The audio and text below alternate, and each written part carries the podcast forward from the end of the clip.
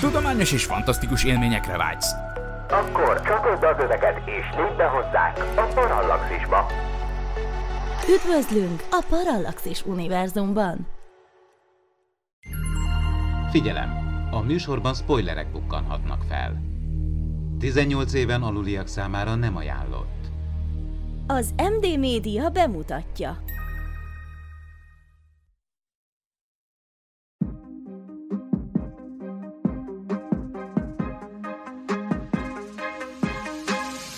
Tudományos és fantasztikus élmények Gézával, aki mérnök, Norbival, aki geográfus, és Miklóssal, aki fizikus. Ez itt a Parallaxis, az MD Media tudományos és fantasztikus podcastje. Sok szeretettel köszöntök mindenkit, ez itt a Parallaxis jubileumi századik része, a mikrofonnál Barkóci Norbert, amely részben az eleve elrendelés, vagy a predestináció kérdéskörét fogjuk jobban körüljárni mai beszélgetőtársaimmal. Elsőként itt van velünk egyenesen a jövőből Pécsi Géza, szia Géza! Sziasztok! És itt van velünk Vince Miklós, aki bármilyen időhúrokból képes kiszabadulni. Szia Miki! Sziasztok! Még mielőtt azonban belekezdenénk a beszélgetésbe, ne felejtsetek el lájkolni és feliratkozni. Premier előtti tartalmakért, valamint EME Parallaxis Podcast hosszabb, exkluzív változatáért pedig kérlek fizessetek elő a patreon.com per Parallaxis oldalon keresztül. Na srácok, akkor Predestination, időhurok, 2014-es Ethan Hawke által fémjelzett film, amúgy nekem, nekem egyik ilyen kedvenc színészem, én bírom, bírom a csávót, ebbe is jó volt, de esetleg titeket kérdezlek, hogy hogy tetszett a film, most láttátok-e először, vagy, vagy láttál, hát úristen, mindjárt lassan már tíz éves ez a film is, kilenc éppen, szóval láttátok-e annó, vagy, vagy most láttátok először a filmet? Tudod, mint gondolkoztam? Valami teljesen más dolgom? Nem. Nem. Nem, hiszen Ethan Hawke karakterével ellentétben mi nem tudunk gondolatokat olvasni. Hát igen. Mert ő is csak saját magától tud igazából. Konkrétan azon gondolkoztam, hogy az időhurok, ez a Loopernek jobban állt volna címnek. Mármint, hogy ma- magyar címről beszélünk most, vagy, vagy már az igen, eredeti? Igen, Aha. magyar címnek. Tehát ez a predestináció, szerintem az eleve elrendezés, az egy nagyon jó elrendelés, az egy sokkal jobb cím lett volna ennek a filmnek. De én nem úgy most lettem És először. igen, úgy kellett volna, hogy eleve elrendelve. És akkor egyrészt ugye Igen. áldoznánk az Esperente nyelvoltárán, eleve, eleve, elrendelve, e- e- és akkor ráadásul igen. Ja. Ez, én, én most ezen gondolkoztam. Egyébként most láttam először a filmet. Vegyes, vegyes érzelmek. Tehát néha úgy voltam, hogy mi történik, néha meg úgy voltam, hogy wow. Nagyon jó ötlet lett volna, csak ez, így, nem, nem tudom, tehát kicsit mellé lett lőve ez a vége. De majd Miki megmondja, mert ő biztos tudja jobban. Hát a véleményemet, a saját véleményemet tudom jobban. Nekem nagyon tetszett a film, tehát hogy, hogy megint, főleg azután, hogy miután múltkor ugye izé, Akurafi Magaura és Kuki a Cukicumi, illetve, hogy hívják még, Sikosito, Takahiro, és egyéb. Szóval, hogy, hogy ugye a Jap, í- pontosan, úristen, most ezt nagyon durván ki kell vágni, jó? Tehát a Hino, Hino, Hinobu, Hinoburo Sakaguchi, Hino, Hino, Hinoburo? Ah, Hinoburo. mindegy. Szóval, az bizony. Szóval ugye a Final Fantasy után egy, egy, szerintem egy, egy igazi agyi felüdülés volt ez nekem, Ez és van. nekem nagyon tetszett, mert mint az, hogy, hogy ugye megint az van, hogy 5000-nyi ilyen science fiction, hát ha ez egyáltalán annak számít, de most ezt e felőtt lépjünk át ilyen nagyvonalúan, de hogy, hogy ilyen, ilyen filmet látunk, amiben van ilyen időparadoxon, minden film máshogy oldja meg ezt, ez tök érdekes egyébként, ugye, hogy, hogy ugye vissza a jövőben fel, az, felrobban az univerzum, ha találkozol saját magaddal, itt bezzeg! Kiderül a végén, spoiler alert, hogy egy egyetlen egy monodrámát néztél végig, tehát gyakorlatilag az összes szereplő ugyanaz az ember, Igen. nemtől, kortól, függetlenül, Igen. elképesztő, mindenki a saját nagynénye, meg á, el, szóval mindegy, szóval szerintem tök jó volt, mert ugye az ember már azt hiszi, hogy érti, jó van érti, és akkor a végén csavarnak rajta még egyet, aztán utána oda csapok a homlokomra, hogy hú, persze.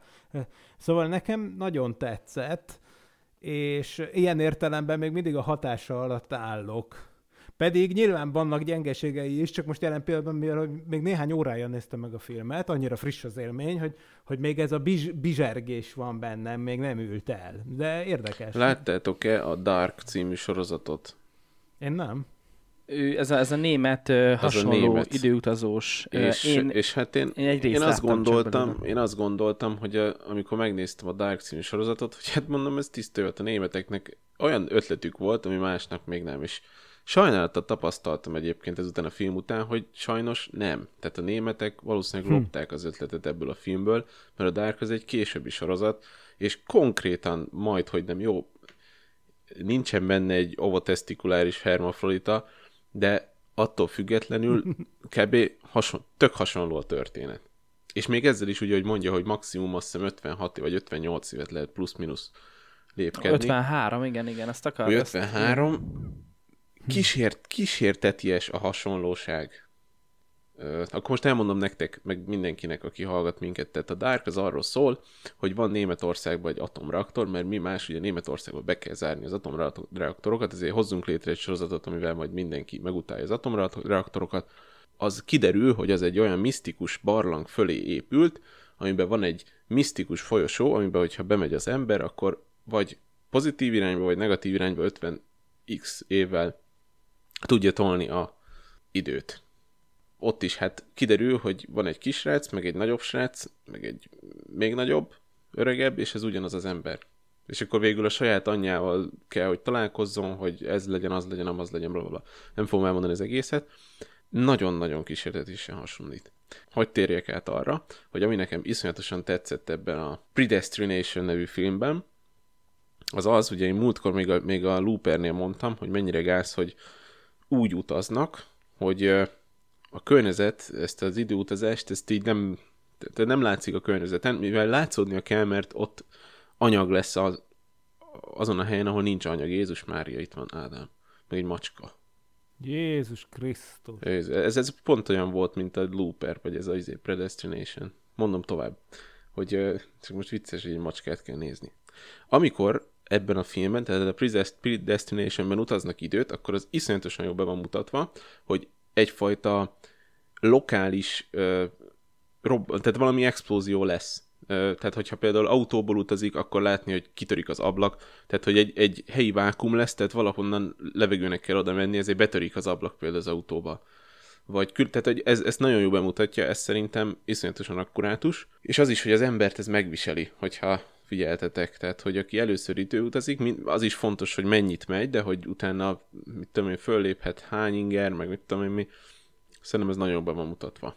Azért te se tartsd magadban a véleményed. Nekem a film, az eleje, az nagyon fura volt. Hogyha emlékeztek a film, hát gyakorlatilag első fele, az, az hát kis túlzással egy helyszínen ugyanebben a kis kocsmába játszódik, és ott beszélgetnek.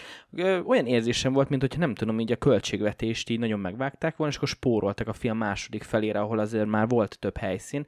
Azért nem mondanám, hogy olyan nagyon nagy költségvetésű Hát látványfilmnek. ugye eleve Ausztrál film, azt tegyük hozzá, hogy ez egy Ausztrál film. Tehát De nem- ahhoz képest is, igen. Igen. a filmnek az első fele tényleg azt hittem, hogy az egész ebbe a kocsmába fog játszódni, de a végére, igen, ahogy Miki, te is mondtad, hogy az ember már is sejteget valamit, és akkor a végén, vagy a film második felébe így jönnek a, a csavarok, hogy ja, még ez is, ja, még ő is, ja, még ő is az. És akkor így wow. Szóval eléggé, eléggé maximumra tekerik ezt, a, ezt az időparadoxon ö, potmétert, hogy úgy mondjam. Öm, ugye a filmnek, hát ugye nyilván a címe is ez, hogy, hogy predestináció, eleve elrendel, el- eleve elrendelés, és hát akkor az én olvasatomban igazából ez a film amellett teszi le a voksát, hogy, hogy taba, tagadja gyakorlatilag a szabad akaratot. Mindegy ugye mit csinál, mert főszereplőnk ugyanazokat a köröket futja az összes, összes életében, és ilyen szempontból, hát, tehát én inkább fi, finek mondanám itt a, itt a spektrumon, tehát inkább, inkább fiction, mint, mint sem science. Próbáltam a felkészülés során megfogni a, úgymond a tudományos részét a, a filmnek, de azért annyira sok nincs benne, de ez nem feltétlenül ö, hibája a filmnek szerintem. Szerintem Mit, mit se. gondoltok? Nem, nem, egyáltalán nem hibája, azért mondom, hogy nem. Hogy úgy nyilván vannak olyan részkérdései, amiken lehet golyózni, csak nyilván az nem a fővonal. De a fővonal ez az időutazás és információs paradoxonok, ugye erről persze lehet beszélgetni sokat, és ugye volt, volt már erre példa, mert azért minden harmadik időutazós, minden, minden második, minden időutazós science fictionben valamilyen formában előjönnek ilyen időparadoxonok. De most, a, oké, okay, hát az az egyik része, ahol lehet science-t bevinni a dologba. Másik, ugye van ennek egy teljesen irreleváns mellékszálad, de az elején nem tudod, hogy merré, mellékszál-e.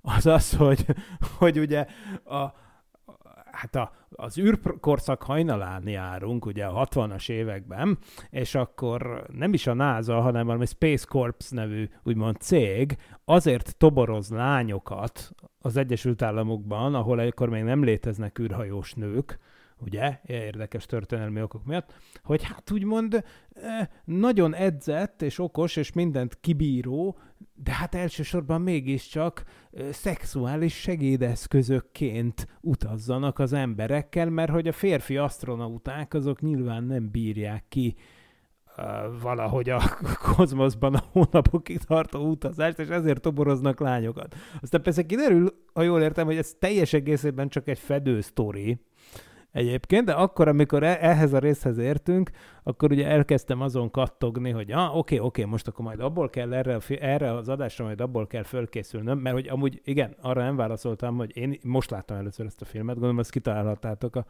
korábbi kommentemből. Szóval, hogy, hogy gondoltam, hogy na majd akkor itt most ez lesz, ez lesz a téma, hogy szex az űrben, meg hogy izé, mi lesz az űrhajósokkal, meg hát hogyan tudnak könnyíteni magukon, vagy mit Eleve abszurd egyébként, hogy ez egy olyan világban játszódik, ahol már a 60-as években is olyan virtuális valóság technika van, hogy ezeket a leginkább, leginkább a fodrász fod, fod, a női fodrászokban látható ilyen szár... Dajerológép. Izé, igen, dajerológép-szerű cuccokba beteszik a lányok a fejüket, és akkor ott olyan virtuális valóságot látnak, ami a 2014-es CGI szintje, tehát akkor azt kell, és akkor úgy felmerül bennem, hogy oké, okay, hát hogyha ebben a szuper titkos kormányhivatalban már 1964-ben ilyet tudtak csinálni, akkor igazából most tulajdonképpen miért, miért, miért, miért kell egyébként valódi űrhajós nő a fedélzetre, hogyha ilyen 3D-s virtuális valóságban miért nem lehet mondjuk konkrétan akár szexet megcsinálni. Tehát az kb. egy holodeck konkrétan, szinte egy egyszemélyes kis izé, virtuális valóság tudsz. Tehát ha már ilyet tudnak, akkor eleve milyen baromság, hogy űrhajós nőket kell felküldeni. Eleve, eleve rettenetes az egész koncepció. Most gondolj bele, hogy valakit azért válogatnak ki, hogy tehát ez Jaj, szóval ez... De szerencsére megúszszák azért, hogy nem mennek le full kreténbe, meg kiderül, hogy igazából nem is arra kellenek ezek a nők, hanem, hanem ugye toboroznak ehhez a ugye szupertitkos időutazó mindent rendbe rakó hivatalhoz. És hát ugye az is egy érdekes dolog egyébként, hogy az időgépnek ilyen megjelenítését még nem nagyon láttuk, nem? Na, e- erről Ugye? akartam beszélni. Na, Tehát ez a hegedű tok, ez egy, ez egy érdekes dolog, és valamit mond, mond is ott, hogy, hogy ez micsoda, hogy ez valami ilyen nukleáris, mit tudom Igen, igen, micsoda, igen, időhullámokat. Hogy teljesen feltöltve 53 évet tud oda-vissza vinni, és mindig ilyen aranyosan kipörgeti a zárjába, hogy Amin azonban néha betűk dátum. vannak, néha perce ilyen feliratok vannak, hogy erről. Meg a diagnosztikai kódokat igen, is igen, szépen. tehát azért az, az hány, hány állású tárcsa lehet, az is érdekes. Uh, bocsid, ez, ezen az 53 éven gondolkoztatok, vagy ez, ez honnan, vagy van valami szimbolika a filmben? Én ezt nem, én ezt nem tudtam erre rájönni. Miért? Miért ez csak így hasraütés? Nagyon jó kérdés. Ezzel nem gondolkoztam egyébként. Ugye a leg, legkorábbra, amikor konkrétan visszamennek, az 1945 Értem, hogy elvileg lehetne valamivel régebbre is visszamenni, de ha jól emlékszem, ugye ebben a konkrét sztoriban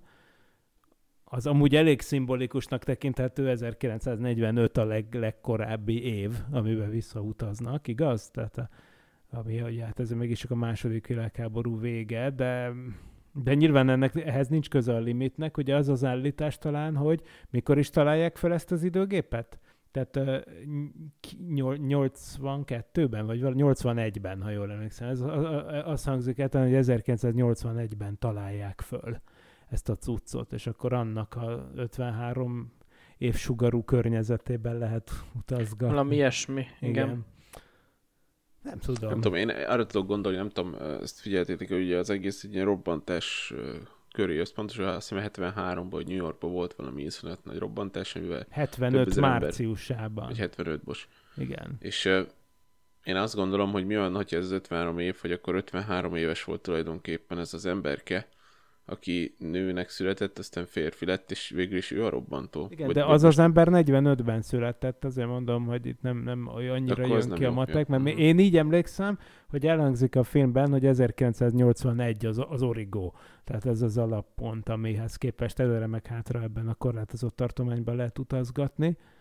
Érdekes Jó, de egyébként, ezt, de ezt ez nem több tudod pontosan, de figyelj, de ezt nem tudod pontosan, hogy annyi, tehát hogy ezt annyi, tehát hogy 73 évesen annyi idős volt az ember, amennyi 45-től lett. Mert ugye van az a rész a végén, amikor a mosodába lelövi a, az öregebb emberkét, Jó, ez persze, És- jó, ezt igen, igazad van. Tehát és akkor lelövi őt, de, de lehet, hogy az van benne, hogy mivel lelövi őt, ő válik a robbantóvá, tehát akkor meg már nem annyi idős. Igen, de itt Tehát mi, ezért ez... mivel minden ember ugyanaz a filmben, ugye, ezért aztán őszintén szólva, míg, míg ezt szétbogozzuk ezt a izé, idő hurkokkal teli kis szövevényt, tehát az ugye az a beletelik majd itt a féladás idő, tehát én ezzel próbáltam, az az próbáltam ugyanaz az a- rajzolgatni ilyen idővonalakat, de belezavarodtam, tehát próbáltam egy olyat elképzelni, hogy most rakjuk sorba úgy a jeleneteket, hogy onnantól kezdve, hogy megszületik ez a baba, ami persze nem lehet, de vagy hogy valahol el kell De ez a baba a jövőbe születik meg 45-höz képest. Hát- Ez csak visszaviszi saját maga 45-be. Tehát 45-ben születik. Ja, igen, igen, így van, így van. De hát ugye pont ez az, hogy valahol el kell kezdeni, és elméletileg akkor vagy időhurokban, hogyha bárhol kezded el a történetmesélést, mindig jó. Nincs benne ugrás, ugye? Tehát egy, folyton, egy folytonos kör valami módon logikailag, és akkor mondjuk e- e- ennek megfelelően természetesen, mivel hurokról beszélünk, ezért igazából bárhol elkezdheted elképzelni a sztorit. Tehát azért mondom, hogy teljesen önkényes alapon én azt vál- választottam ki, hogy a legkorábbi időpontot, ami a filmben szerepel, ami szerintem az 1945, amikorra valóban visszaviszik ezt a babát, És leadják az árvázba, így van. és leadják az árvaházban, és akkor annak a babának a szemszögéből próbáljuk meg végigélni az egész történetet, és akkor képzeletben elkezdtem úgy sorba rakni a, jeleneteket, és, és igen, és aztán utána belezavarodtam. Jó, de, de érted, de hogyha úgy akarod élni, akkor ugyanoda kerülsz, hogy John leszel, és bemész abba a, abba a kocsmába, ahol elmeséled az életedet, és konkrétan te leszel az az ügynök. Tehát nem érsz a végére magyarul. És a végén így is, is te robbantasz.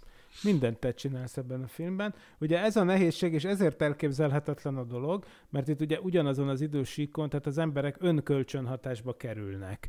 Az olyan, mint hogyha a- mondjuk az i- i- i- párhuzamos idővonalon haladó dolgok egymással kapcsolatba lépnének, és ráadásul új szálakat hoznának létre. Ilyen azért elég ritka, tehát most mondtad ezt a német sorozatot, de ezt leszámítva tudtok ilyet?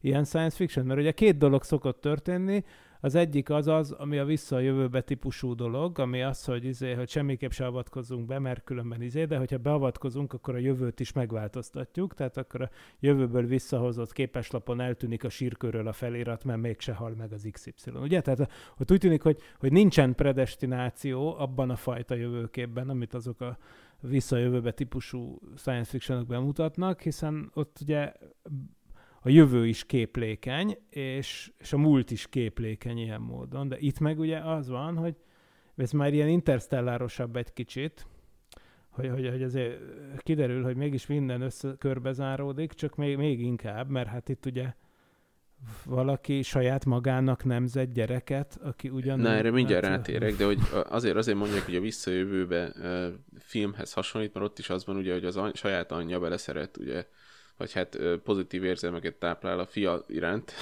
a későbbi fia iránt, és hogy ugye ott is kb. Hát Ott nem lépik meg azért ezt. Nem lépik meg, de azért ott ez a film átlépi azt, ami, sőt, ez többszörösen átlépi. És amit mondasz, hogy magaddal, az egy dolog, hogy magaddal találkozol, tehát ugye az ember magával talál, John magával találkozik a filmben, viszont De hogy még meg is... az is érdekes, hogy konkrétan saját maga Termékenyíti meg saját magát. teszi igen. lehetővé, de várj, saját maga teszi lehetővé, hogy találkozzon saját magával. Igen, és ebből megszületik saját maga. Saját maga. Na de hogy erre térjünk rá, tehát nem véletlenül mondtam ezt az ovotestikuláris hermafroditát, mert ugye ez engem nagyon megfogott, amikor ugye ott van a csajszika, és akkor, hogy, és hát akkor már John, és akkor mondja ott bent a kocsmában, hogy akkor szeretne elmondani egy történetet, amit biztos nem hallott John, aki ugyanúgy önmaga. Elkezdi mondani, hogy hát blablabla, bla, bla, megy a történet, és hogy ő neki, hát ő terhes lett. És akkor, amikor megszüli a gyermekét, akkor oda megy az orvos, és ezt mondja neki, hogy önt kivizsgálták-e már, mert hogy magának mindkettő nemnek a nemi szervei rendelkezésre állnak. És nekem ekkor így oké, okay, tehát ez van. Azért mondom, hogy testikuláris, testikuláris hermafrodita, mert ez az, akinek vannak heréi is, és van petefészke is, és van pénisze is, és van ö, mindene. Ö, ilyen van. Viszont, Igen. Viszont Igen. én ennek utána olvastam most, és hogy nekem az volt a fura az egész filmben, és én nagyon-nagyon szeretném, hogyha erre valami nagyon okos orvos kommentelő írna, mert erre nem találtam semmit, meg nekem is nővérem orvos, és kérdezgettem, de hogy ezek az, ezek az emberek nagy részt vagy, tehát hogy ezek a magzatok, amik hermafroditának nemz- nemzenének, ezek, ezek vetélés áldozatai lesznek, tehát ezek nem is születnek meg egyrészt. Aki pedig megszületik, ennek is több része van, mert van ugye a Turner szindróma, meg a mit tudom milyen szindróma, akinek tényleg van mind a két fajta, az alapvetően nem képes tehát alapvetően mindenképp hormonkezelésre szorul ahhoz, hogy bármelyik nemhez tudjon rendesen tartozni. Tehát, hogy az fals ebben a filmben, hogy ez a csajszi teherbe tudott esni, és ki tudta hordani a gyereket. Ez akkor lehetséges, hogyha azt szokták ezt mondani, hogy amikor ő már pubertás korban van, és el tudja dönteni, hogy melyik nemhez szeretne tartozni, akkor olyan hormont kap, hogy ahhoz tudjon tartozni, és, és műtéti úton lehetővé teszik neki, hogy oda tartozzon. De ez a filmben, hogy te már megszültél egy gyereket, és akkor mondják, hogy na, akkor igen, akkor mivel megszűrtél egy gyereket, akkor most át kell alakítanunk férfivá, ez, ez így szerintem nem működik. Hát, ugye, igen, itt nyilván kellene orvosi szakképzettség, én csak azt tenném hozzá, hogy ugye ez egy annyira spéci sztori, hogy itt aztán elő, előfordulhat hát egy olyan eset is, ami először van az orvostudomány történetében, mert hát ugye, de, de... De ezért lenne jó, hogyha valaki ezt beírna, hogy ja, persze, tehát ez így működik. Ja, igen, az, Mert utána az ugye ezt mondja John, hogy pont most jött a papír, hogy egyébként most már teljesen ugye ugye time male, tehát hogy már egy ivarérett férfi vagyok. Igen, érdekes. És ugye ezért tudja meg saját magát igen, nemzeni. Igen, így van. Tehát ez... És egyébként meg ugye erről tanulunk is, hogy azért nem véletlenül nem, nem ösztökélnek senkit arra, hogy a közeli rokonnaival házasodjon, meg gyereket jó, hát igen. Összehozzon, mert ugye ebből igen. betélések, meg nagyon-nagyon súlyos folyatékosságok lesznek. Na szerintem az, hogyha egy, egy ember úgy,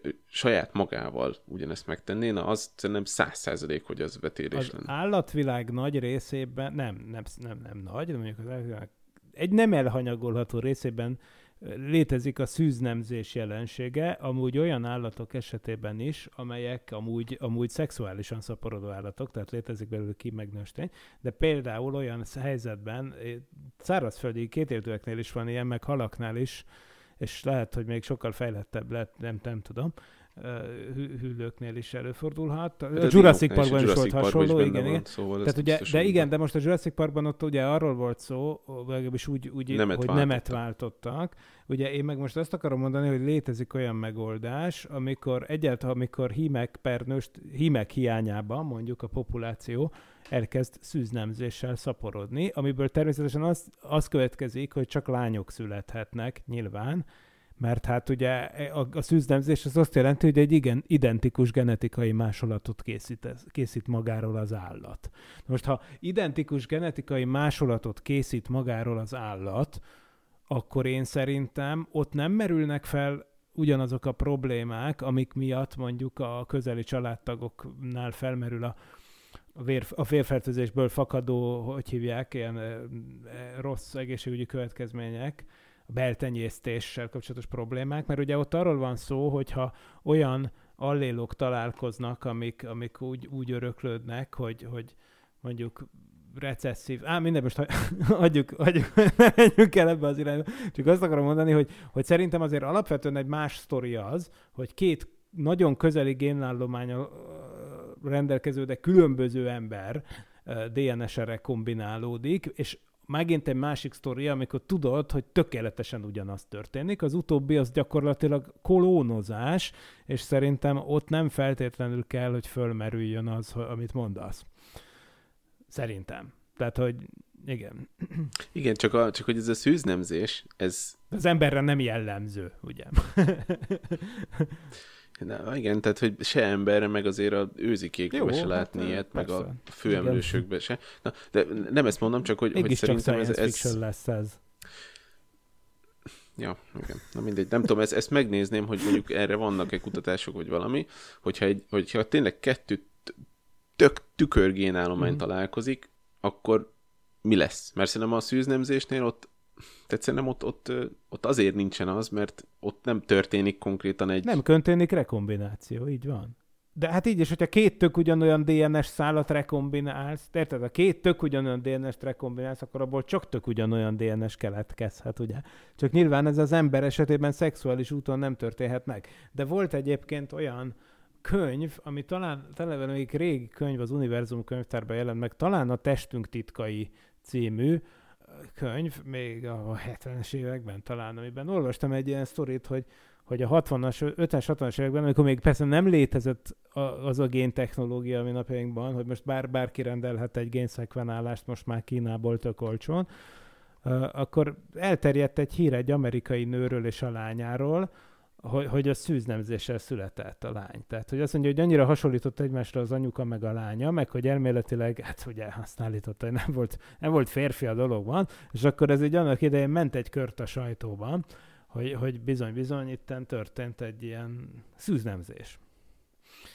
Ami, hát most már nyilvánvaló, hogy hogy ne, nem erről volt szó, de érdekes, hogy azt annak idején a korabeli tudósok is vizsgálgatták, és ugye az akkori technikákkal ugye nem tudták kizárni, hát ma már leszekvenálnák a DNS, tehát akkor még nem tudták, hogy létezik olyan, hogy DNS, tehát hogy itt kb. erről van szó, hogy lehet, hogy akkor nem is az 50-es években volt, hanem még régebben, amikor ez a sztori volt. Sajnos nem tudok adatot, de volt ilyen az emberiség történelmében többször, hogy fölmerült a kérdés. Hát és hát ugye, hogyha már karácsony lesz most, akkor az se elhanyagolható, hogy Jézus is. Igen, de ő egy fiú. Tehát ugye ott az az érdekes, hogy, hogy az Y-kromoszómája a fiúnak az ilyen módon, tehát ott azért lehet isteni csodára gyanakodni, vagy valami nem, tehát nyilván nem lehet azt mondani, hogy hát nagyon ritkán az embernél is előfordul a szűznemzés, és lehet, hogy Jézus egy ilyen volt, de hát azért vegyük észre, hogy Jézus nem volt nő.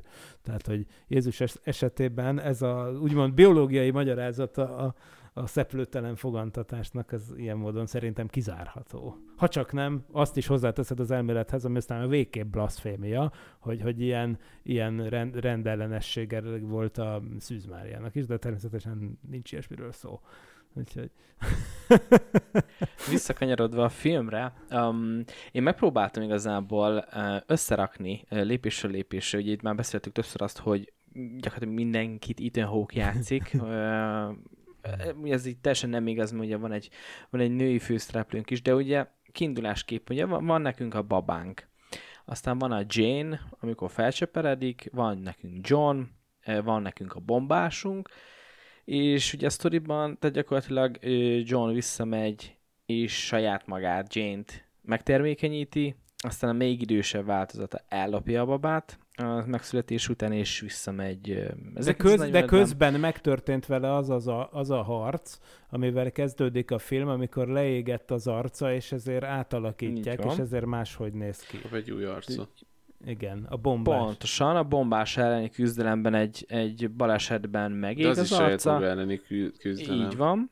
On, ott onnantól fog kinézni Ethan Hawke-ként ö, a főszereplőnk, és utána erre is van egy félmondat talán, hogy a sok, ö, sok időutazás az nem tesz jót, és hát láthatjuk, hogy mi lesz a vé- vége, hogy beleőrül egy pindurkát, és hát ő, ő, ő lesz a bombás, és hát ö, nyilván ilyen, ilyen klasszikus ö, csavar, hogy önmagát üldözi, és, és az egész... ö, Na és várjatok már, bocs, indul bocs hogy előre. beleszólok, hogy az a cigis, a cigis emberke, a fekete öltönyös, az is ő saját maga? Mm. Ro- Robinson, a Robinson karaktere, igaz? Na, ez ne, én végig ez bocockált a fejemben, de nem. Szerintetek igen? Mert szerintem az nem, ő, ez nem, nem saját maga. Nagyon jó, hogy felhoztátok. Nekem van rá egy elméletem, nekem van elmé- elméletem. Szerintem nem ő, ő csak igazából a háttérből manipulálja a szálakat, és, és kihasználja ezt a, ezt a szegény embert.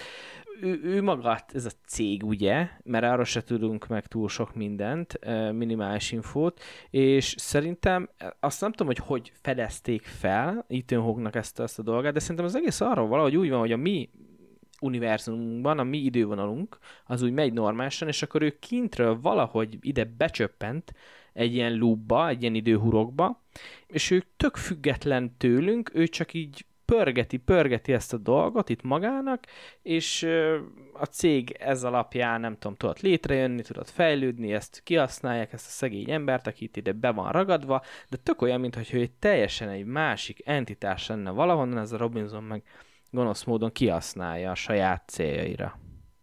Nem tudom, szerintem ez, ez egy kicsit ilyen x-aktákos volna, mert hogy ott van mindig ez a, ez a cigarettás ember, ezt is mondják, hogy ez a ez a cigarettás ember, ez, ez, ez onnan jön. Na mindegy, nem tudom, nekem furcsa, mert ugye van egy ilyen mondata ennek az emberkének, hogy te kell lesz nekünk, mert hogy te nem jössz sehonnan, és hogy csak hogy nekem ez furcsa, tehát mi, mi, mi volt az a pont, valószínűleg, de nem tudom. Tehát, hogyha, hogyha az lett volna az a pont, hogy 1945-ben, amikor lerakja őt az áruház, de nem lehetett az a pont, mert saját maga rakta le őt. És erre nem, nem nagyon kapunk választ, úgymond a, igen, ezért, ezért érzem úgy, hogy ő valahogy így le be bebalesetezett ebbe a mi univerzumunkba, mi idővonunkra, és amúgy nem is ide tartozna, hanem tök más dolog, de, de szegény itt, itt végtelen köröket ír le. Na, Miki, te mit gondolsz? Ki az a Robinson? Nem tudom, tehát nem tudom. Nekem mondom, végig azt hittem, hogy az fog kiderülni, hogy az ő. Hát még fizimiskára is hasonlott nekem, ugye, aki izé, proszopagnóziában szenvedek, tehát nem tudok arcokat megkülönböztetni. Tehát ugye láttam, hogy van bajszocskája, meg minden. Tehát gondoltam, hogy kiderül, hogy esetleg ez is ő lesz. De nem, nem derült ki, úgyhogy ez... Ugye érdekes ez a Robinson, ő az egyetlen, akinek van rendes neve ebben a történetben. Tehát, hogyha megnézitek a castot is a végén, hogy hogy vannak kiírva a szereplők, akkor ilyenek, hogy barkeeper, meg, meg izé, meg ugye az írói álnevén a, a, izé a, a hogy hogy hívják a az un, unmarried mother, tehát a leányanya, vagy hogy hívják? Ja, leányanya, igen. Szóval, hogy ez a... Tehát így, így vannak kiírva. És egyébként, amikor olvasol a filmről, akkor sem szerepelnek amúgy nevek, tehát, hogy például azt a karaktert, aki az alap Ethan Hawke karakter, az The Agent, vagyis az ügynök, ügy, ügynök néven szerepel. De viszont, viszont ennek a Robinsonnak van neve. Tehát ez például érdekes dolog, hogy én értem, ő az egyetlen, akinek van egy tisztességes neve. Szerintem ez is csak azt támasztja alá, hogy, hogy ő egy ilyen kiváló entitás igen, a mi Igen, én is és ezt akartam mondani. Igen. Szóval csak itt abszolút, ragadt. Abszolút. Abszolút így van. A másik meg az, hogy, hogy tényleg ugye, amire nem kapunk természetesen választ, hogy és ez ilyen istenkezűség, hogy honnan van az információ. Ugye mindig az van, hogy oké, okay, ha valaki saját magát hozza létre, meg utazgat előre-hátra az időben, és izé, hát, akkor az ő génállománya az honnan valamire. jön. Rájöttem Igen. valamire. Na, na, na. Ugye van benne ez a mondat is, hogyha valakit meg kéne ölnöd, és elég tudnám hozni azt az embert, akkor megtennéd? És tulajdonképpen szerintem mivel ugye az emberke, ő, ő, ő, ő már régóta csinálja ezeket a lúpokat, szerintem ő ezt úgy akarja meg, megakadályozni, hogy a John rá akarja egyszer venni, hogy ne bereszeressen saját magába, hanem ölje meg. Mert hogyha megölné a, a nőényét, Jane-t, akkor ott megállna a loop, és úgy tudna kiszabadulni belőle. Jó gondolat, de szerintem pont a film ez ellen foglal helyet, tehát hogy nem, nem, nem tudja, bármit csinálhat, esetleg igazából nem fog bármit csinálni, mindig ugyanazt fogja csinálni, nem, nem tudja megváltoztatni. Igen, de, de ő próbálkozik szerintem. Mm, nem, tudom én, van benne valami, de én nem láttam én ezt a próbálkozást a Attól, attól jó a predestináció gondolata eleve ebben a dologban, hogy hogyha ez egy játék lenne, egy sakjátszma, vagy akármi, akkor igazából mindenki szerintem minden ponton a lehető legjobban és leglogikusabban cselekszik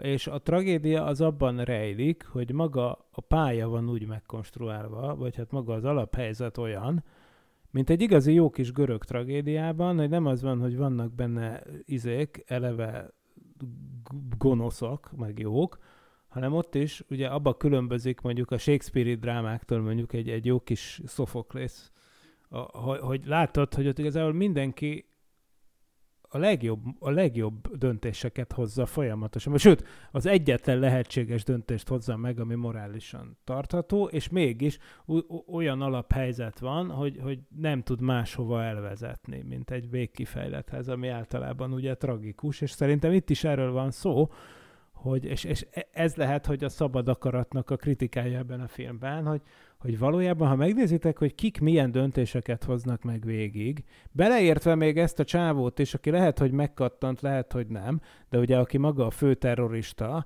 aki úgymond a fő gonosz lenne úgymond a filmben, ha létezne benne ilyen, akiről persze szintén kiderül, hogy ugyanő, ugye ő is mondja, hogy végül ö, mennyi emberéletet ment meg azokkal a robbanásokkal, most ezt vagy elhisszük neki, vagy nem, de valójában mindenki a saját személyes nézőpontjából a legjobb döntéseket hozza meg.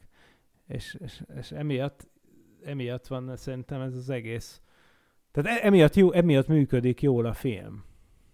Én csak ennyit látok. És um, igen, jó, hogy behoztad igen ezt a, ezt a robbantósnak a ö, sistergős, sistergős bombás, vagy hogy is? Robbantós emlegették a filmben, hogy gyakorlatilag akkor a cél szentesíti az eszközt, mert hát ő ezen filozófia alapján működik, amikor már... Hát ugye ezt már az Oppenheimernél is előhoztuk Igen, igen, igen, igen, de igen. Itt azért még közvetettebb a hatás, tehát hogy oké, okay, hogy durva uh, dolgokat, merényleteket csinál, azért, hogy még nagyobbak ne történjenek meg, még a, még a logikát, meg a, a szándékot értem is mögötte, de hogy, hogy nem lehetne valahogy tudod még finomabban, szóval nem kell felrobbantani, nem tudom, egy busz csak reggel Gézerről tudna mesélni, lyukasszuk ki a, a gumiát a kerekét. És Igen. akkor, tehát egy picit ilyen lájtosabb módokon megakadályozni, itt már megint akkor, akkor a szabad akarat bejön a képbe.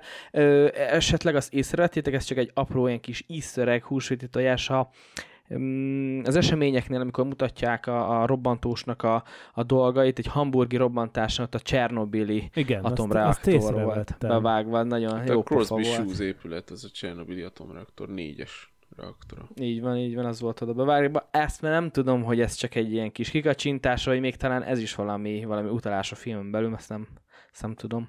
Most azt, amit közbe feltettem, most azon gondolkozom még, hogy, hogy, hogy kerék kiszúrásával el lehetett volna érni ugyanezt a hatást. Ugye azt tanuljuk, hogy igen, a világ ilyen. Csak az a baj, hogy na itt be lehet hozni némi fizikát, hogy az a baj, ezekkel a dolgokkal, és ezt tanuljuk egyébként a, hát a pillangó effektusból, a kaotikus rendszerek elméletéről, ami úgy tűnik amúgy, hogy ellen, ellene mondtam úgy pont a determinizmusnak, de nem.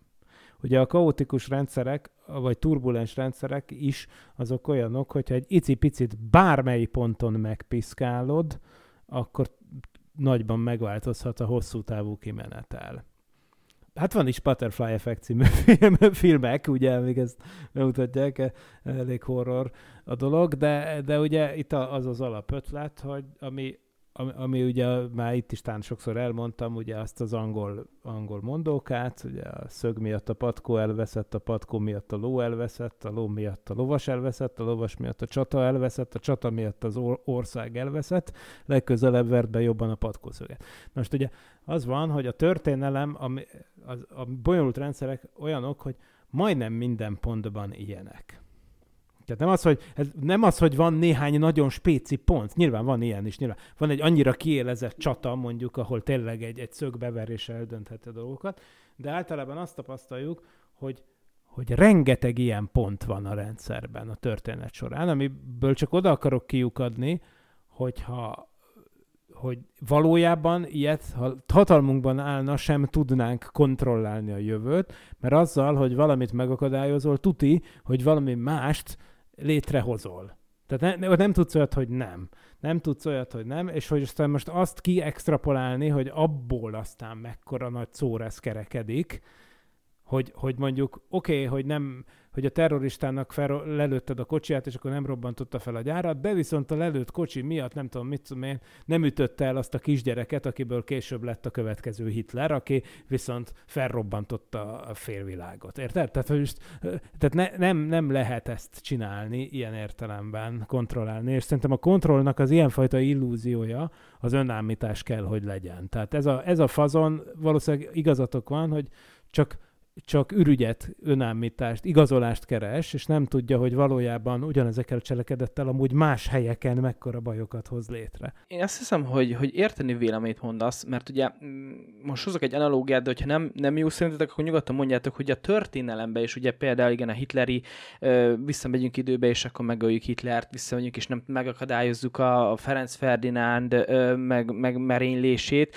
de hogy a, a történelmi környezet és a, és a és a folyamatok, ezek, ezek kitermelték volna, megtörtént volna valahogy más, hogy Igen. ha nem Hitler, akkor egy másik karizmatikus vezető, hogyha nem is ott, de akkor valahogy máshogy meggyilkolják. Tehát, hogy oké, okay, ezeket az egy-egy eseményeket ö, látja az ember, és hogy ezt megpróbálnám megakadályozni, de hogy, de hogy a virág tart egy irányba, és hogy azt így egy-egy eseménnyel nem lehet, nem lehet kimozdítani. Igazad van, tehát a történészek dolga azért működik, mert valójában azért van, hogy mondjuk lehet tudni, hogy hát idő kérdése volt, hogy a Balkán, mint puskaporos hordó, hogy lehet, hogy nem ott tört volna ki az első világháború, hanem valami tök más ürügyel két évvel később. De, de hát ugye tényleg a, a történészek ugye feltérképezik a folyamatokat, amik aztán tényleg valami random faktor kell az, hogy ténylegesen berobbanjon, de általában tényleg nem az van, hogy, hogy kiélezett helyzetek vannak, viszont egyszeri tragikus események is van, tehát hát igazad van szerintem, hogy történelmi folyamatok esetén abszolút megállja a helyét, amit mondasz, de, de elszigetelt események, mondjuk a 2000, izé, szeptember 11 nem szállnak föl a gépek, máshol tartana a világ, hogyha, tehát hogy, hogy azért szerintem vannak olyan pontok, és sok ilyen pont van ez az állításom, csak nem tudjuk föltérképezni, ahol, ahol tényleg úgymond ilyen, ilyen bottleneck van, vagy ilyen, ilyen kis élére állított ceruza effektus. Hát nem tudom. Igen, csak például, hogyha belegondoltak, ugye a kubai rakétaválság is egy olyan volt, ahol azért nagyon közel volt a világ ahhoz, hogy most eszkalálódjon a helyzet, aztán mégsem. És hogyha meg belegondolunk, Igen. én sokat gondolkozok ezen, hogy ugye mondhatni, sokan mondják ezt, hogy hát hidegháborúnak vége lett, itt nem lett vége, tehát ez ugyanúgy megvan. Igen. Kialakult egy két pólus, és ugye az események most is egyébként ugye történnek, és Meg attól, hogy nem divat beszélni erről a reggeteg nukleáris fegyverről, attól még azok ott vannak. hát ott vannak. Igen. Ugye van az a Csehovi puska elve, hogyha az utolsó előtti felvonásban felbukkan egy fegyver a színpadon, akkor az előbb-utóbb ugye az utolsó felvonásban valószínűleg el fog sülni. Valójában tényleg így van. Mondom, annyira pessimista vagyok néha, hogy még akár természeti törvényként is el tudnám fogadni, hogy a civilizációk előbb-utóbb törvényszerűen kiírtják saját magukat. E- Ez egy megoldás ugye a Fermi paradoxonra, hogy miért nincsen tele földön kívülivel itt körülöttünk a világ. Lehet, hogy aki elég fejlett lett, az már rég kicsinálta magát. Kérdés az, hogy de hogy ez most most történik meg, vagy 300 év múlva, az, az nekünk azért lokálisan nem mindegy. És jó, jó hogy mondod a kubai rakétaválságot, mert igen, lehet, hogy a történelmi törvény, ha léteznek ilyenek a történelemben, mint a fizikában, hogy törvény, hogy az előbb-utóbb meg kell történnie szinte egy valószínűséggel, csak az, hogy ténylegesen, ez olyan, mint a, mint a felezési idő. Tehát, hogy meg tudod mondani, hogy valamennyi idő alatt mondjuk a, az atomok fele, radioaktív atomok fele lebomlik. De hogy konkrétan melyik fog lebomlani, mennyi idő alatt, az, az megjósolhatatlan. És lehet, hogy a civilizációknak is van egy ilyen felezési ideje, hogy attól kezdve, hogy valamelyik civilizáció felfedez valami tömegpusztító fegyvert, amivel ki tudja magát írtani, akkor van egy felezési ideje, ami azt jelenti, hogy mondjuk a száz év, mit tudom én, és akkor azt jelenti, hogy a civilizációk fele, fele száz év alatt Ez nem, feltétlenül kell tömegpusztító fegyver, mert ha megnézed, az összes nagy civilizációnak volt egy virágkora, és utána leáldoztak. De most oké, Ja, hogy ezt ja, a ja, igen, kultúrát, igen. azt, meg az Persze. indián kultúrának a nagy Igazad részét a, van. a vírusok pusztították el, amit behoztak az európaiak, de például az ókori Rómát, azt meg pont, hogy a egyisten hit terjedése, meg a, meg a szétdarabolódása, meg minden.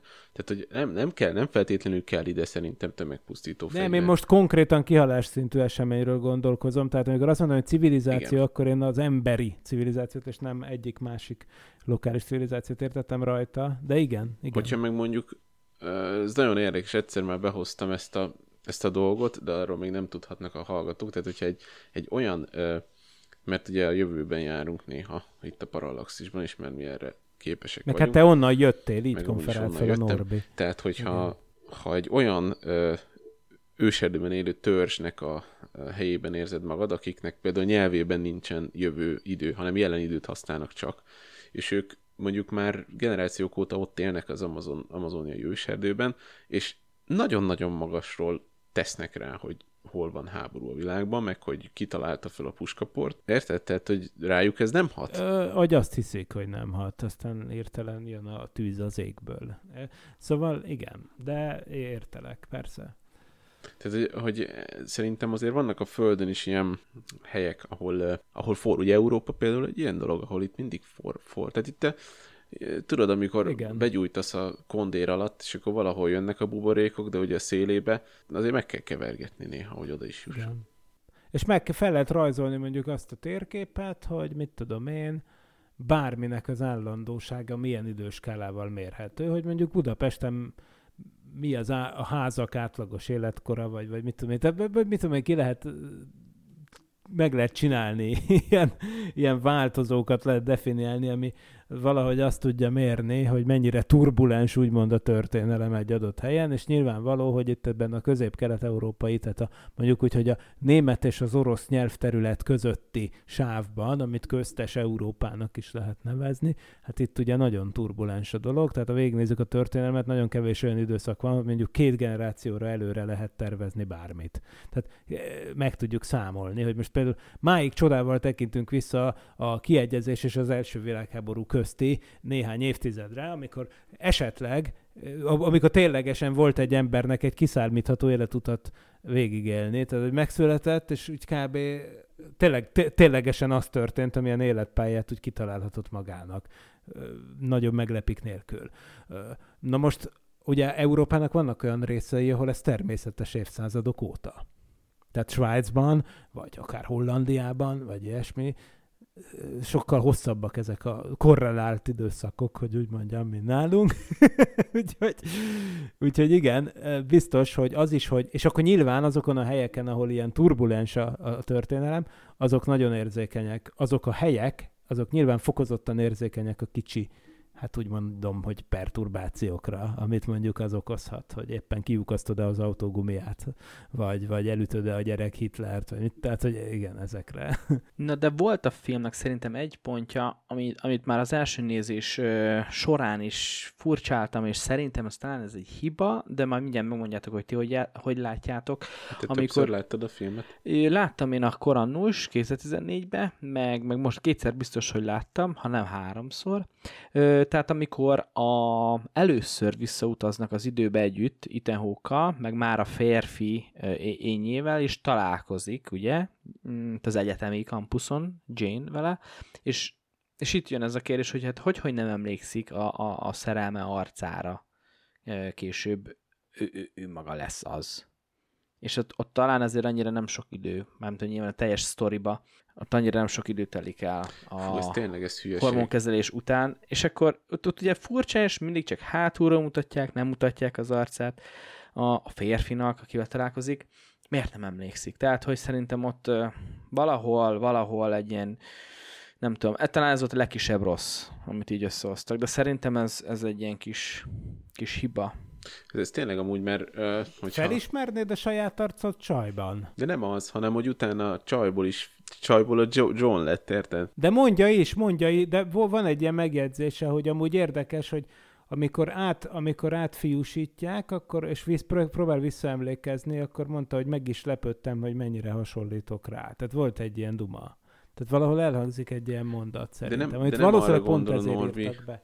Tehát nem a, nem a csaj ényére, hanem hogy utána ugye a, a John, amikor utána a másik John, akinek már más az a orcája, beszélgetnek a Ja. kocsmába, akkor, tehát ő ugyanaz a John, aki, aki a Akkor gyereket már úgy nem néz De ő ki, mint a régi nagy szerelme. Igen. De szerintem ő tudja ott, hogy mi van. Hát akkor ő még nem. Biztos? Vagy csak úgy Akkor mondja csinál? az egész. Hát Igen. jó, de én, akkor lehet úgy érvelni, hogy a sok időutazás az tényleg szétbassza a memóriáját, mert ennyire. Jó. És, és emiatt kell neki mindenhol ilyen mág... De tényleg, hát ilyen üzeneteket kell hagynia magának. Ugye mondták, Mem- Mementóba. mondták is, hogy vannak ilyen izéi, ilyen, ilyen uh, feature-ei itt az időugrásoknak, hogy megfogod a hegedűtokot, és hopp, és akkor közben megy céljel az agyad, tehát ezért nem is lehet büntetlenül csinálni.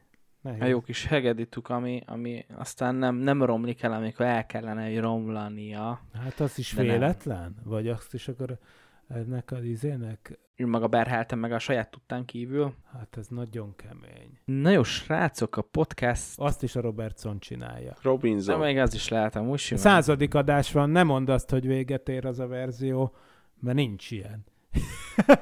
A film, igen, a podcast filmről kibeszélős része. De nem is be, az nem, mi nem beszélünk. ez nem kibeszélés, nem beszél- Norbi. Ne, Norbi, hát itt nem beszélünk is semmit. Nem. Nem vagyunk olyan Itt mi csúnyák, hogy itt ki filmeket a hátuk mögött kibeszéljünk.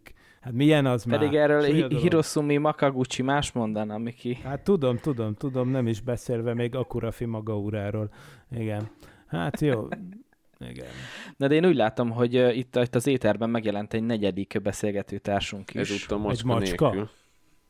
Egy, egy Nem. macska. Miau. Igen. Sziasztok! Köszöntöm a kedves Jézus hallgatókat, meg Krisztus. titeket is. Hú, milyen szépen zeng a hangod, igazi rádiós, izé, jó kis, jó a mély. Ez a ti, ti A hangutok basszus. után ez felüdülés lehet a kedves hallgatóknak. Ez így van, ez így van, így van, igen. Érdekes témákról beszélgettetek, nem titok, hát hallgattam az adást eddig is, viszont azért van még egy kérdésem, kicsit visszautalva a filmre, hogy mondjuk az energia megmaradás törvénye, Miklós, az nem mond ellent annak, hogy egy ilyen időnkívüli személy De.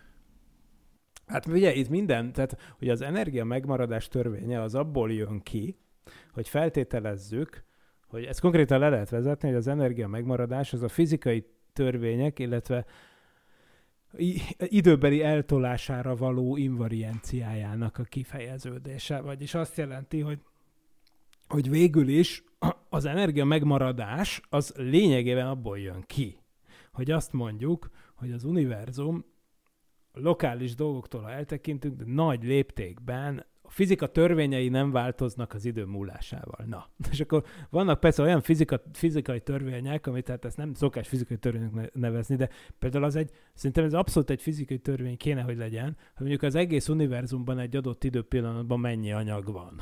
tehát, hogy, hogy, ugye, tehát az, hogy, hogy eh, most oké, okay, hogy az anyag vagy energiaforma, mindegy, de hogy valamilyen formátumban, valamilyen anyagi eh, minőségben kell, hogy legyen valamiféle ilyen megmaradó mennyiség, ami nyilvánvaló, hogy az összes ilyen időutazós filmben úgy tűnik, hogy sérül. Tehát ez azt jelenti, hogy már eleve az, hogy fogsz egy tárgyat és visszaviszed a múltba, aztán még gondolom, hogy még egy, még egy, még egy példányba össze-vissza, és akkor ott Hát akkor most mi van? Tehát, hogy egy, Hát igen, hogyha végtelen idő pillanatból végtelen időt az elkezd utazgatni, problémás lehet, elég hamar. Nekem egyébként tetszik az a megoldás, amit Norbi kínált, hogy tulajdonképpen nem, hogy időn kívüli szeméről, hanem ilyen dimenzión kívüli szeméről mm. beszélünk, mert az azért sok mindent megmagyarázhat, viszont, Igen, viszont igen. a, a, De Igen. akkor nem tudott volna közösülni abba a dimenzióba. Igen, te pont abból látod, hogy van egy plusz dimenzió, hogy azt kezded észrevenni, hogy nem teljesülnek a megmaradási törvények.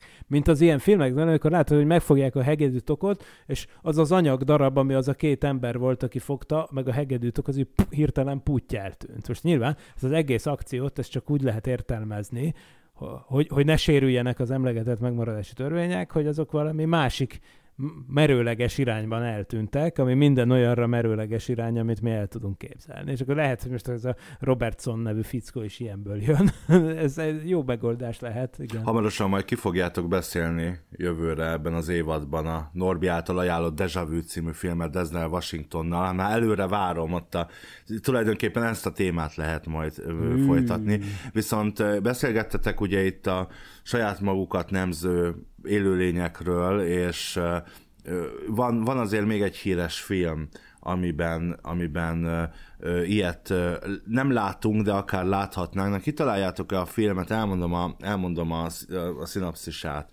Egy film, amiben a nőt a gyermeke születése után brutálisan meggyilkolják. A testi fogyatékkal született gyermeket apja egyedül neveli, míg a gyermeket elrabolják. Apja felkutatására indul ö, a világon keresztül, amely küldetésben egyetlen társa egy enyhén értelmi sérült fiatal nő lesz. Kitaláljátok, hogy ez melyik film? Júj, én tudom, de nem mondom meg.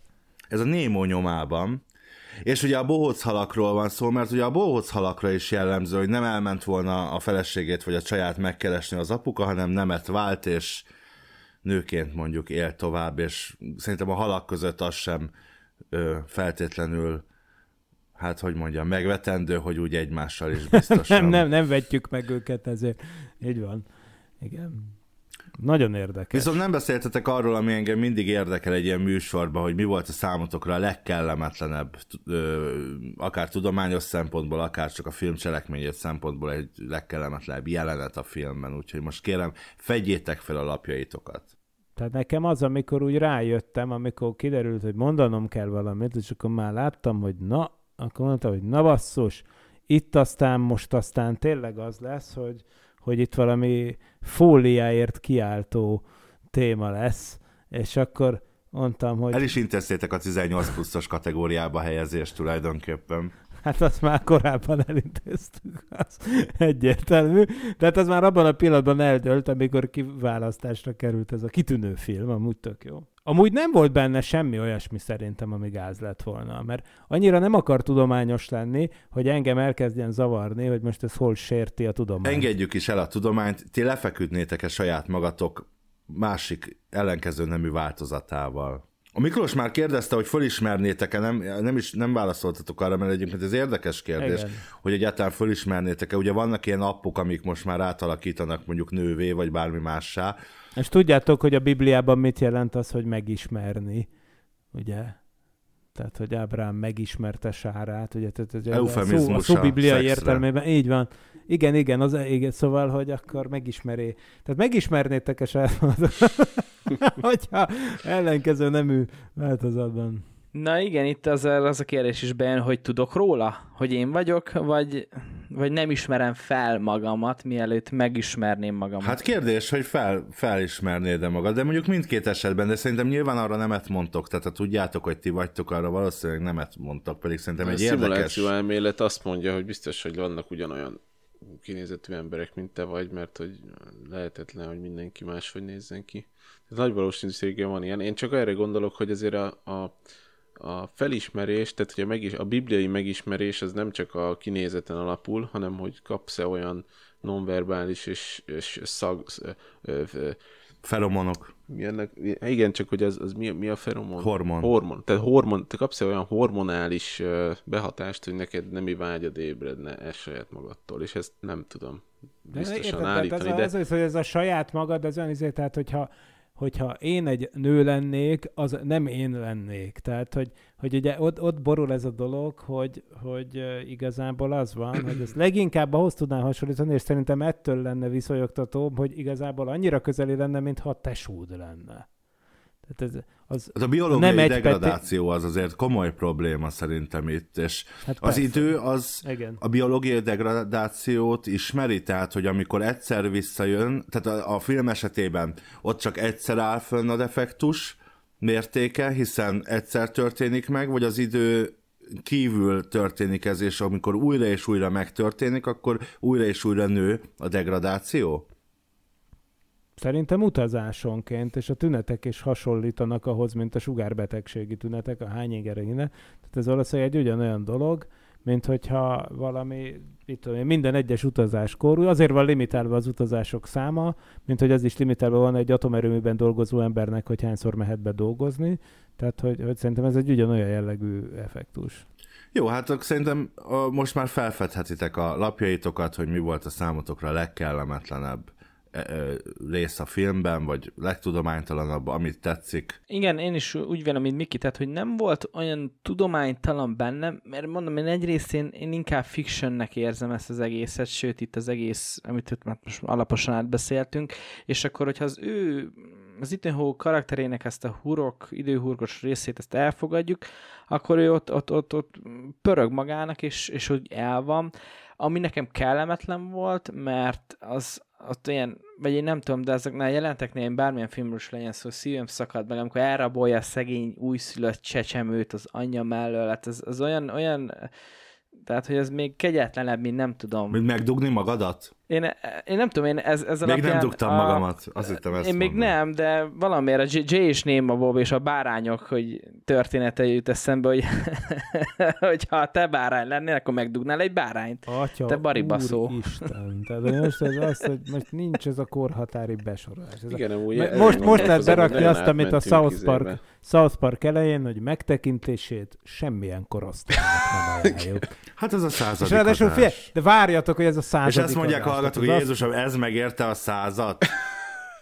Hát igen, ez egy olyan önbeteljesítő profécia. Szép volt, jó volt, sziasztok, a csúcson kell abadni. Tehát az van, hogy a, hogyha, hogyha naponta az ember öt parallaxis epizódot meghallgat, akkor ugye az 20 napig tudja tolni. Tehát az egy, egy munka hónap. Tehát csak a hétköznapokon az ember leül, minden nap meghallgat 5 órányi parallaxist a munkahelyén, és hétvégén tart szünetet, mert azért tényleg azért az emberi agynak azért néha kell regenerálódnia, tehát akkor egy hónapig lehet nyomni egy ilyen intenzív terápiát, nagyon durva mennyiségű dolgot, és baromságot termeltünk le. Na várjatok, még, Guantanamo like it. de várjatok, de közben eszembe jutott még, hogy, hogy amit már mondtam is korábban, hogy az azért, a, a, akkor azért felállt a hátamon a szőr, amikor az volt, hogy a, izé, amit már mondtam, hogy, hogy, űr, nőket keresnek űrutazásra szexuális, uh, uh, mit tudom én, uh, hogy mondtam, Eszköz. ezt segí, igen, közöm, segédeszközi funkcióra, az ű, hosszú idejű repülésekre, én ezt most, tehát egyfajta szekunder szégyen tört ki rajtam, mint egyrészt férfi, másrészt meg, hogy, hogy mi, mi van, mi, hogy ez tényleg egy filmrendezőnek ilyen eszébe jut. Aztán persze megtudjuk, hogy nem ez az igazi cél, de hát annál inkább durva, hogy ezt még fed, tehát ezt fedősztorinak elfogadhatónak tartják, érted? Hogy, tehát, hogy milyen, milyen már ez? Tehát ez, ez komolyan, hát azt szeretnénk, hogy azért menjél fel az űrre, hogy hát néha ugye a És mégis fiúkra, nem szabad hozzányúlni a lehet. kapcsolókhoz, mert csak, de, de a fiúkra néha rájön a szükség, és akkor hát ez kész, úristen. És én szeretem az űrhajózást, érted? Tehát egy, aj, ez, ez, ez kegyetlen volt. Na, akkor megmondom, hogy nekem amúgy a, az a rész, ami ilyen fura volt, de az, amikor saját magát ugye megcsókolja, az fu- fura rész volt, de nem az, nem az tetszett a leg... Na, nem az nem tetszett a leg... De az se volt rossz. Nem az tetszett a legkevésbé. Na mindegy, nem tudom, most nem, nem értem magamat. Ez, ez, egy, ez egy, mondod. egy zsamévú volt most. Tehát, eh, hogy amikor van az, hogy ott van a, az árvaházban, és akkor fölriad este, és éppen a árvaház vezetőnőt répázza az orvos, és ezt végig kell nézni a kiskorában. Ez nekem azért volt fura, mert szerintem ez egy gyerekbe hagyhat olyan nyomot, hogy az későbbiekbe problémákat okozhat.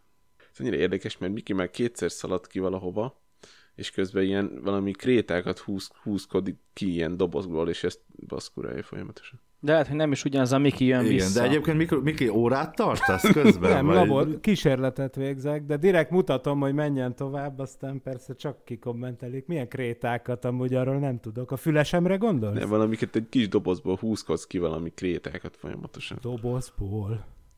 Igen, így ki, ide teszed a kezeddel ilyen kis dobozt, kihúzol egy krétát, majd így haj, hajligatod. Te miről beszél ez vissza- az ember?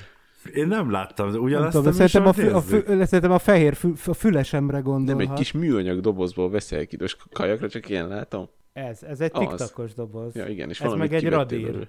De Na. ennek nincsen jelentősége. Csak az, hogy a Géza figyelmét eltereljem. Hopp. Ha. Ha, újra ott van. Őrület. Na, Na, jó. sr- srácok, nemrég ö, ö, vettük fel a napokban azt az adást, amit majd december 25-én Para- és Karácsony címmel a hallgatók elé tárunk. Valószínűleg az lesz az utolsó adás, amit a, amit a kedves hallgatók meghallgatnak, mert ö, eléggé kaotikusra sikeredett, viszont ebben a pillanatban, amikor ezt a műsort hallgatják frissiben a kedves hallgatók, akkor még nem tartunk ott, és még nem hallhatják. És ebben a műsorban elhangzott egy kvíz, és most eh, Miklós szeretnénk téged is tesztelni, mert te nem Na. leszel ott ebben a műsorban. Öt gyors kérdés. Eh, Az első kérdés az, hogy szerinted, szerinted magadat is beleszámolva hány tagja van a Parallaxis univerzumnak? Tik, tak, tik, tak, tik, tak. Eh, Kérem a választ. Tizen, 12. Nem, 15. Nem Ah. kapsz pontot. Szerinted mikor csatlakozott hozzánk Kubatovics Áron? Tik, tak. 2023-ban. És mondjuk egy ö, ö, ö, hónapot is. Már uh, június. Március. Július. Na. Március, jól kezdted. Na, hát Ah, kettőből nulla. Szerinted hány összesen ebben az évben 2023 egészét tekintve hány podcast epizód jelent, illetve jelenik meg majd a Parallaxis univerzumban? Tehát a Szokollal együtt, mindennel együtt. Szerinted hány rész, hány epizód? indokolatlanul sok. Mondj egy. Mondj egy. 45. Miért, miért becsülitek egy 88? Na. Szerinted melyik volt 2023 leghallgatottabb adása a Parallaxis univerzumban? És miért? Elég a műsort eltalálnod. Médiazabálók. Nem, kérek szépen, ez egy szokolébresztő volt, és az első öt a szokolébresztő a, a top listában. Egyébként a Nagy Boom nyoma az űrben című rész Ja, volt ja, ja. ez. De mé- de a Mézga, Mézga Aladárost ezt elég sokan meghallgatták amúgy izéből, nem? É, Viszont ha már sokan hallgatnak minket, szerinted kerekítő mekkora volt az összhallgatottság 2023-ban? Az összhallgatottság? Minden platformról összeadva mindent. Fú. 25 ezer. 165 ezer, Ó, Miklós. 165 fantasztikus. ezer. De direkt így, most, most kifejezetten arra gyúrtam, hogy nehogy egy túl magasat mondjak, mert sokkal jobb, ha alálövöd, és akkor hú, mint ha azt mondom, hogy 3 millió, 450 ezer, és akkor na, 100, ugye, sokkal jobb az optikája, úgy. De, de azért engem is meglepett amúgy az eredmény, amit bemondott Ádám. Hát ez csoda jó. 160 ezer, az rengeteg. Neked melyik volt a kedvenc részed, akár amiben benne voltál, akár amit hallgattál? A legutóbbi évben, ugye? Nehéz ezt megmondani. Uh, ahol legjobban éreztem magam? Uh, nem tudom. Vagy ahol, le, hát, Vagy amit hallgatóként szerettél? hát hallgatóként szerintem legjobban azt szerettem, amikor, amikor kibeszéltük az Apollo 18-at. A holdkőrákok támadása? I- pontosan, igen. nem tudom. De egyébként az, de egyébként nyilván most egyébként szokolébresztő készítőként volt egy csomó olyan fontos dolog, ami most például az Almár Ivánnal tudtam beszélgetni, ez is egy olyan dolog volt, amit évek óta nagyon vártam, hogy az AVI is mindig érdekes, meg minden, szóval persze ez ez nehéz, nehéz. És szerintem nem is szabad most nekem mondanom semmit, mert ugye sok kedves ember, akivel beszéltem ilyen olyan szokolébresztőkben, azok akkor meg fognak sértődni, miért nem az volt a kedvencem, de igazából nem is tudok válaszolni, tényleg. Szóval, ja, Úgyhogy ezt skippelném, viszont egyébként rendkívül jókat szórakoztam egyébként például a, a, a, méz, mé, na, a mézgaladáros adáson például, amikor a Gergővel meg a Magdival ott toltuk a izét, az például szerintem... Ez vágy szem. Igen, igen, ez egy white szem volt, pontosan. Az például szerintem tök jó volt. Az is szerintem elég jól hallgatott dolog, nem? Tehát az a, az a, az a, az a white szem, a mézgaladáros, az szerintem elég jól ment. Hát most meg kéne néznem, Nem, én- viszonylag hosszú Miki, ideig. benne voltál, úgyhogy az. Ja, persze, igen, igen, nyilván. Igen. Igen, a karácsonyi műsorunknak ezért hat a hallgatottsága, mert Hát, mert még nem Hát látta senki. Ugye, csak, a, csak még, még, még, még, még az a 15 ember se látta, aki benne van a paralaxis. Látni nem fogja ja, senki. Tényleg. azt garantálom. Csak Nagyon hallani. helyes. Ez annyira tökéletes, tudod. Hát igazából azt akartam még elmesélni nektek, hogy ugye ilyen érdekes, hogy a századik adás is most jött ki, meg ugye öt éves is a Parallax is idén, és hogy akkor ez hogy van, és akkor persze hát nem annyira bonyolult, mert ez azt jelenti, hogy évente átlagosan 20 adást sikerül letermelni, ami valójában megfelel a valóságnak, hiszen ugye például csak a Parallaxis podcastot nézzük, ugye két hetente jön ki, de szokott lenni nyári szünet, tehát úgy kb. rendben is van a matek, mert azért száz az még izé gombocból is sok, és egyébként vannak ilyen műhelytitkok, hogy az Ádám az már tavaly leírta egy táblázatba, hogy hány adás lesz összesen. Tehát itt akkora vízió van, hogy ezt nem tudjátok, hogy itt meg, itt meg, itt azt mondja az óra, hogy tik-tak, tik-tak, tik-tak, mert egy jó média szakember azt is tudja, hogy mekkorára kell tervezni egy dolgot. És ebből is látszik, hogy akik a Szabó Család című rádió sorozatot csinálták, ott nem voltak jó média szakembereik, mert ugye, ugye ezt még a Rákosi korszakban kezdték el, de minek, és ezt ki fogják találni, hogy legyen egy Szabó Család kibeszélő podcast. Figyeljétek meg! És na igen, tehát megy a Kalambó, amúgy mennyire jobb már, hogy van egy Kalambó podcast, ez is mennyire jó, ez csak még egy kérdés, de hogy de, de, de azért, azért, ha valaki igazán hardcore lenne, és ráadásul ugye pont egy audio formátumban beszélni egy audio formátumról, azért a Szabó család, az biztos, biztos van egy olyan rés, olyanra kíváncsi lenne, de én megvallom őszintén, én egyetlen egy epizódot sem hallottam a Szabó családból. Én is csak így, foszlányokat, mert nekem apukám nagyon sokat hallgatott rádiót, és ugye nekem onnan van a kinyerma is, meg minden.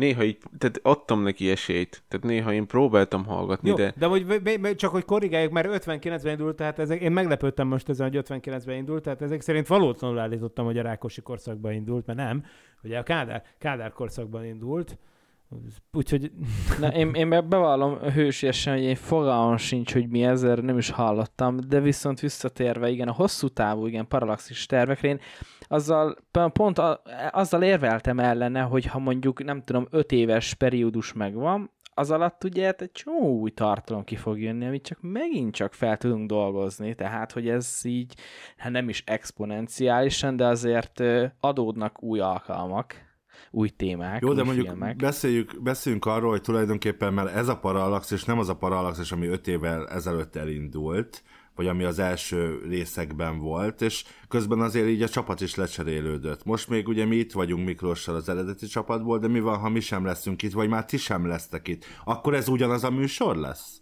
mi meg itt vagyunk, de például az Ádámnak már fáj a foga, én is egy kicsit szédülök, szóval már, már, ez már itt a leszálló ág. Hát, öm, igen. Igen, ez, melyik, melyik történet? Kol- Kolumbusznak a hajója, hogyha mire odaértek, minden egyes csavart Magellán. szeget... Li- Magellán, bocsánat, nem, nem volt az, hogy igazából csak egyetlen egy ember élte túl, vagy kb. aki mikor megcserél, megkerülték a földet, hogy már igazából alig volt, például maga, maga a kapitány se volt életben. Azt hiszem. Na igen, igen, igen. Hát öm, nem, de szerintem az nem eleve rossz, ha valami organikusan változik, tényleg évek, vagy mondjuk évtizedes viszonylatban. Hát a Szabó tehát, családban hogy... is nyilván. Mások szerepel, mert tudom, Norbi, hogy te ezt egy új Mi info. az? De hát Mi ugye az? 1959-ben levő szereplőket, ha összevetjük a 2007-ben levő szereplőket. azért barátok közben is azért a, a végkaszt az kicsit más volt, mint a kezdetek. Tehát Igen, de egy napi sorozatban, vagy akár egy rádiójátékban, bár szerintem a Szabó család ebben egy kivétel volt, mert itt nem volt nyilván kereskedelmi hozzáállás, de hogy az is lényeges, hogy mikor fárad el egy karakter, mikor hozták ki az írók a legtöbbet. Tehát, hogy most már érezzük, hogy Miklós karaktere egy kicsit kezd elfáradni, ja. lassan, lassan lehet Igen. kiírjuk, vagy Igen, igen, igen. Hát mondjuk igény az volna rá, tehát azért igen.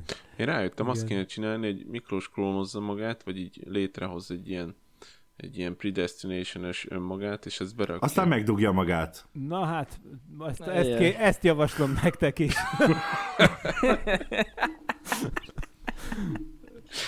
Nagyon jó. Jó, eh, ha megnyitjátok esetleg a timing táblázatunkat, akkor láthatjátok, hogy 2024-re, ugye, ami ez az évad, és majd a következő évad eleje, már be vannak tervezve a filmek. Ti melyikeket, vagy melyiket várjátok a legjobban? Ez annyira jó, de azt tudom, hogy lesz csodálatos elme, és én azt már évek óta mondom, hogy legyen, úgyhogy azt biztos várom. Hát én a 2012-t várom, de ugye az még a nyári szünet után lesz. Hú, Truman Show is lesz, várjál. 2012 már elmúlt, Géza, ne haragudj. De a Truman Show nem paralaxisban lesz. Azt Az nem tudom, volt. tudom, média 2024-en zabálókban lesz, de viszont Hát de ott Norbi, lesz. ez nem volt még. De attól még hallgatni várom, hogy mit fogtok róla mondani. Már felvettük, Öm, tök jó lett. Lehet spoilerezni, hogy Mm. Truman Show-t már az, az már, már a uh, masterelés, már a szalag már fel van véve. Aztán mi van itt? Uh, úristen, ezt nem tudom, hogy csinál. Ilyen ö, ázsiai, ázsiai filmek is kerülnek amúgy a kínálatunkba. Jézusom. Oké. Okay. Oké, okay, oké. Okay. Szerencsére. Igen. A Titánnal, a Titán időszámításunk után ezzel fogjuk a jövő évet kezdeni Parallaxis terén, téren, amit én fogok vezetni, hogy nem. De Nem. tényleg ott van a csodálatos Nem, elme nem májusban. Az jó lesz. Mert az jó lesz. Média zabálók. Én azokat mindig szeretem a média zabálós De epizódokat. figyelj, van egy külön fül. Igen, csak a parallaxis fült nézzétek. mert, akkor, Ja, ja. mert ott Bocsánat. tovább is látod, és akkor persze Akkor várjuk a Nobel és Ig Nobel adást, mert már megint szénnél nyerik magukat a magyarok. Ha, ha, ha. A Super Aztán- 8 is jó lesz. Én azt nem ismerem. Én kíváncsi vagyok most újra, mert én láttam a Super 8-et, amikor kijött, és a Super 8-at. Ö, És kíváncsi lennék, hogy most így újra nézve mikből koppinthatott, vagy mi koppinthatott róla. De az, az Stranger egy ilyen, Things. Spielberg. Hát ez Stranger, de biztos van más is. a Rebel Moon nevű filmről mit kell tudni emberek? Most fog megjelenni december 22-én Netflixen. Ú, és már is tudjuk, hogy érdekes lesz. Mert elméletileg jövő októberben erről fogunk beszélni. Na jó, hát ez tök érdekes.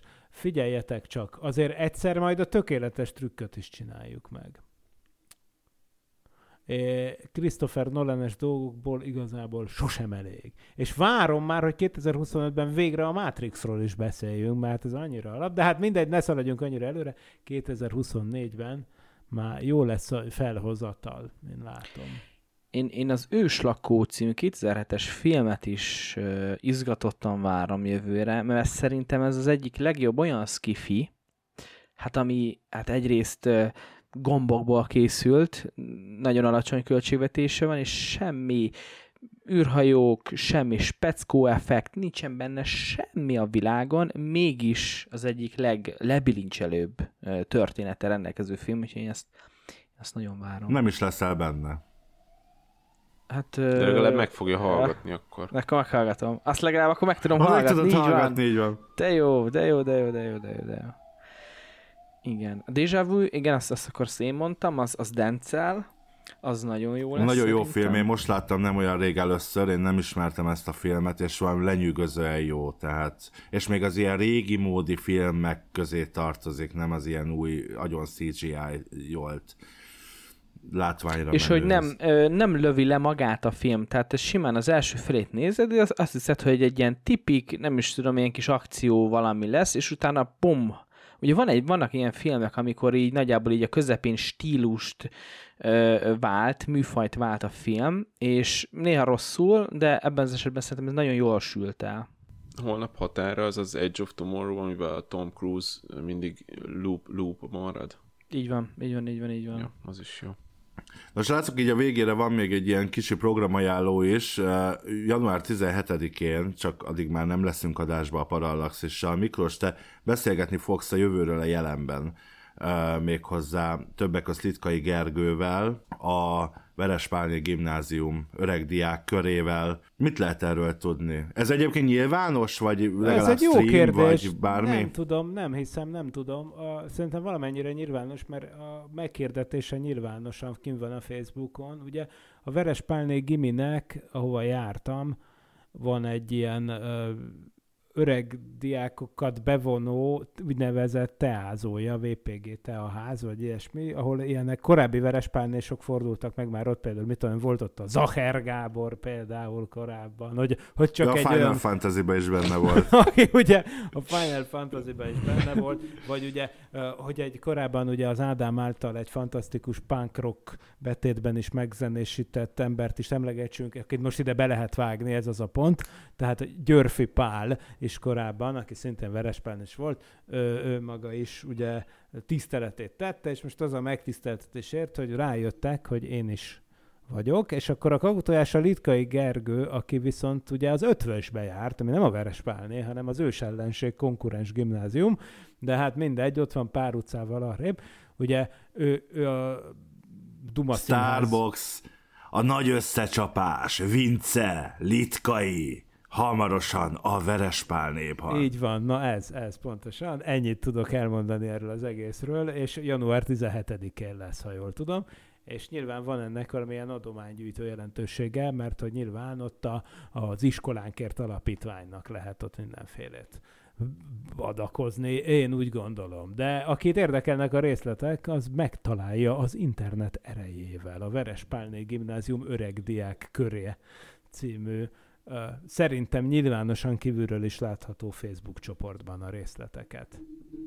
Itt meg még idén lesz olyan, hogy jön az új Szomszédok podcastünk, a Lantos utca 8, meg aztán az emlegetett Parallaxis karácsony, lesz még egy szokolébresztő és egy szilveszteri retrozabálók is. Aztán jövőre, vagyis 2024-ben csütörtökönként és péntekenként jelentkezünk, nem lesz Parallaxis, majd csak februárban térünk vele vissza, ahogy Norbi is mondta, a, a Titán AE időszámításunk után, vagy AI, eh, ahogy tetszik, eh, című filmmel. Egy nagyon jó kis rajzfilm, egy kicsit elfeledett eh, rajzfilm, de hát a 101. adás mi is lehetne, mint az időszámításunk után. És médiaszabálókkal kezdjük majd az évet, január 4-én, és a emlegetett Truman Show kibeszélésével, yeah. Áronnal és Norbival. Marad bennetek valami erre az évre vonatkozólag? Minden kedves hallgatóknak kellemes ünnepeket, boldog új évet kívánunk, vigyázzatok magatokra, és hát mit, mi más mondhatnék, mint hogy hallgassatok sok-sok Parallaxis podcastot. Számból vetted ki a szót. Hú, annyira jól. Ú, tényleg olvasol a gondolataimban. Lehet, hogy egy át- átplastikázott jövőbeli önmagam vagy, amint visszautaztál 2076-ból. Jaj, ne, melyikünk a férfi, és melyikünk a nő, jaj, ne. Jaj, ne. Hát, Jaj, nem, ne. nem, nem, nem, nem. Nem, nem. Géza, mi ebből kell. kimaradunk, jó? Mert Igen, én is most már így, amikor elkezd kacsingatni Miklós saját magára jövőbe, akkor ez beigazolódik, hogy lesz mégis ki- kibeszélő partnerünk. De én csak annyit mondanék a- az embereknek, hogy ezt ne felejtsék el, hogy az igazság odakint van. Ú, igen. Nekem is ki kell találnom valami ilyet. Igen, neked nincsen, pedig van saját műsorod, de nincs catchphrase csak az, neked beköszönésed van amúgy. Megköszönésem és kiköszönésem van. Igen. De hát most mégsem mondhatok azt, hogy jó napot és jó hetet kívánok mindenkinek, sziasztok. De hát miért nem mondhatnám? Ez lesz. Majd jövőre 2024-es fogadalom, hogy kitalálok. Én nagyon frappást. találtam ki. Azt kéne Na. mondani, mert én visszaszoktam hallgatni, hogy ezennel is nagyon szép napot kívánok a jövőbeni önmagamnak. És milyen jó, mert fogom hallgatni. Érzem, szivárog vissza némi valami info, és érzem, hogy annyi baromságot mondtam, amit nem kellett volna, és hogy ennek még meg lesz a bőtje, és érzem azt a nyomasztó infonokat, ami a hipotetikus részecske, ami információkat hordoz, infonokat, ahogy itt jönnek vissza, és besötétítik a jelent. Na, szörnyű. De most már mindegy, predestinálva vagyunk erre. Most már, hogy ez megjelenjen, mondjuk esetleg a vágók még javíthatnak valamit a helyzetem. De nem fognak. De nem fognak, ugye? Hát nem fognak. Hát azért 15 emberben nem fér bele még annyi, hogy még négyen, öten ott nyisszantó ollókkal dolgoznak. De nem úgy van az.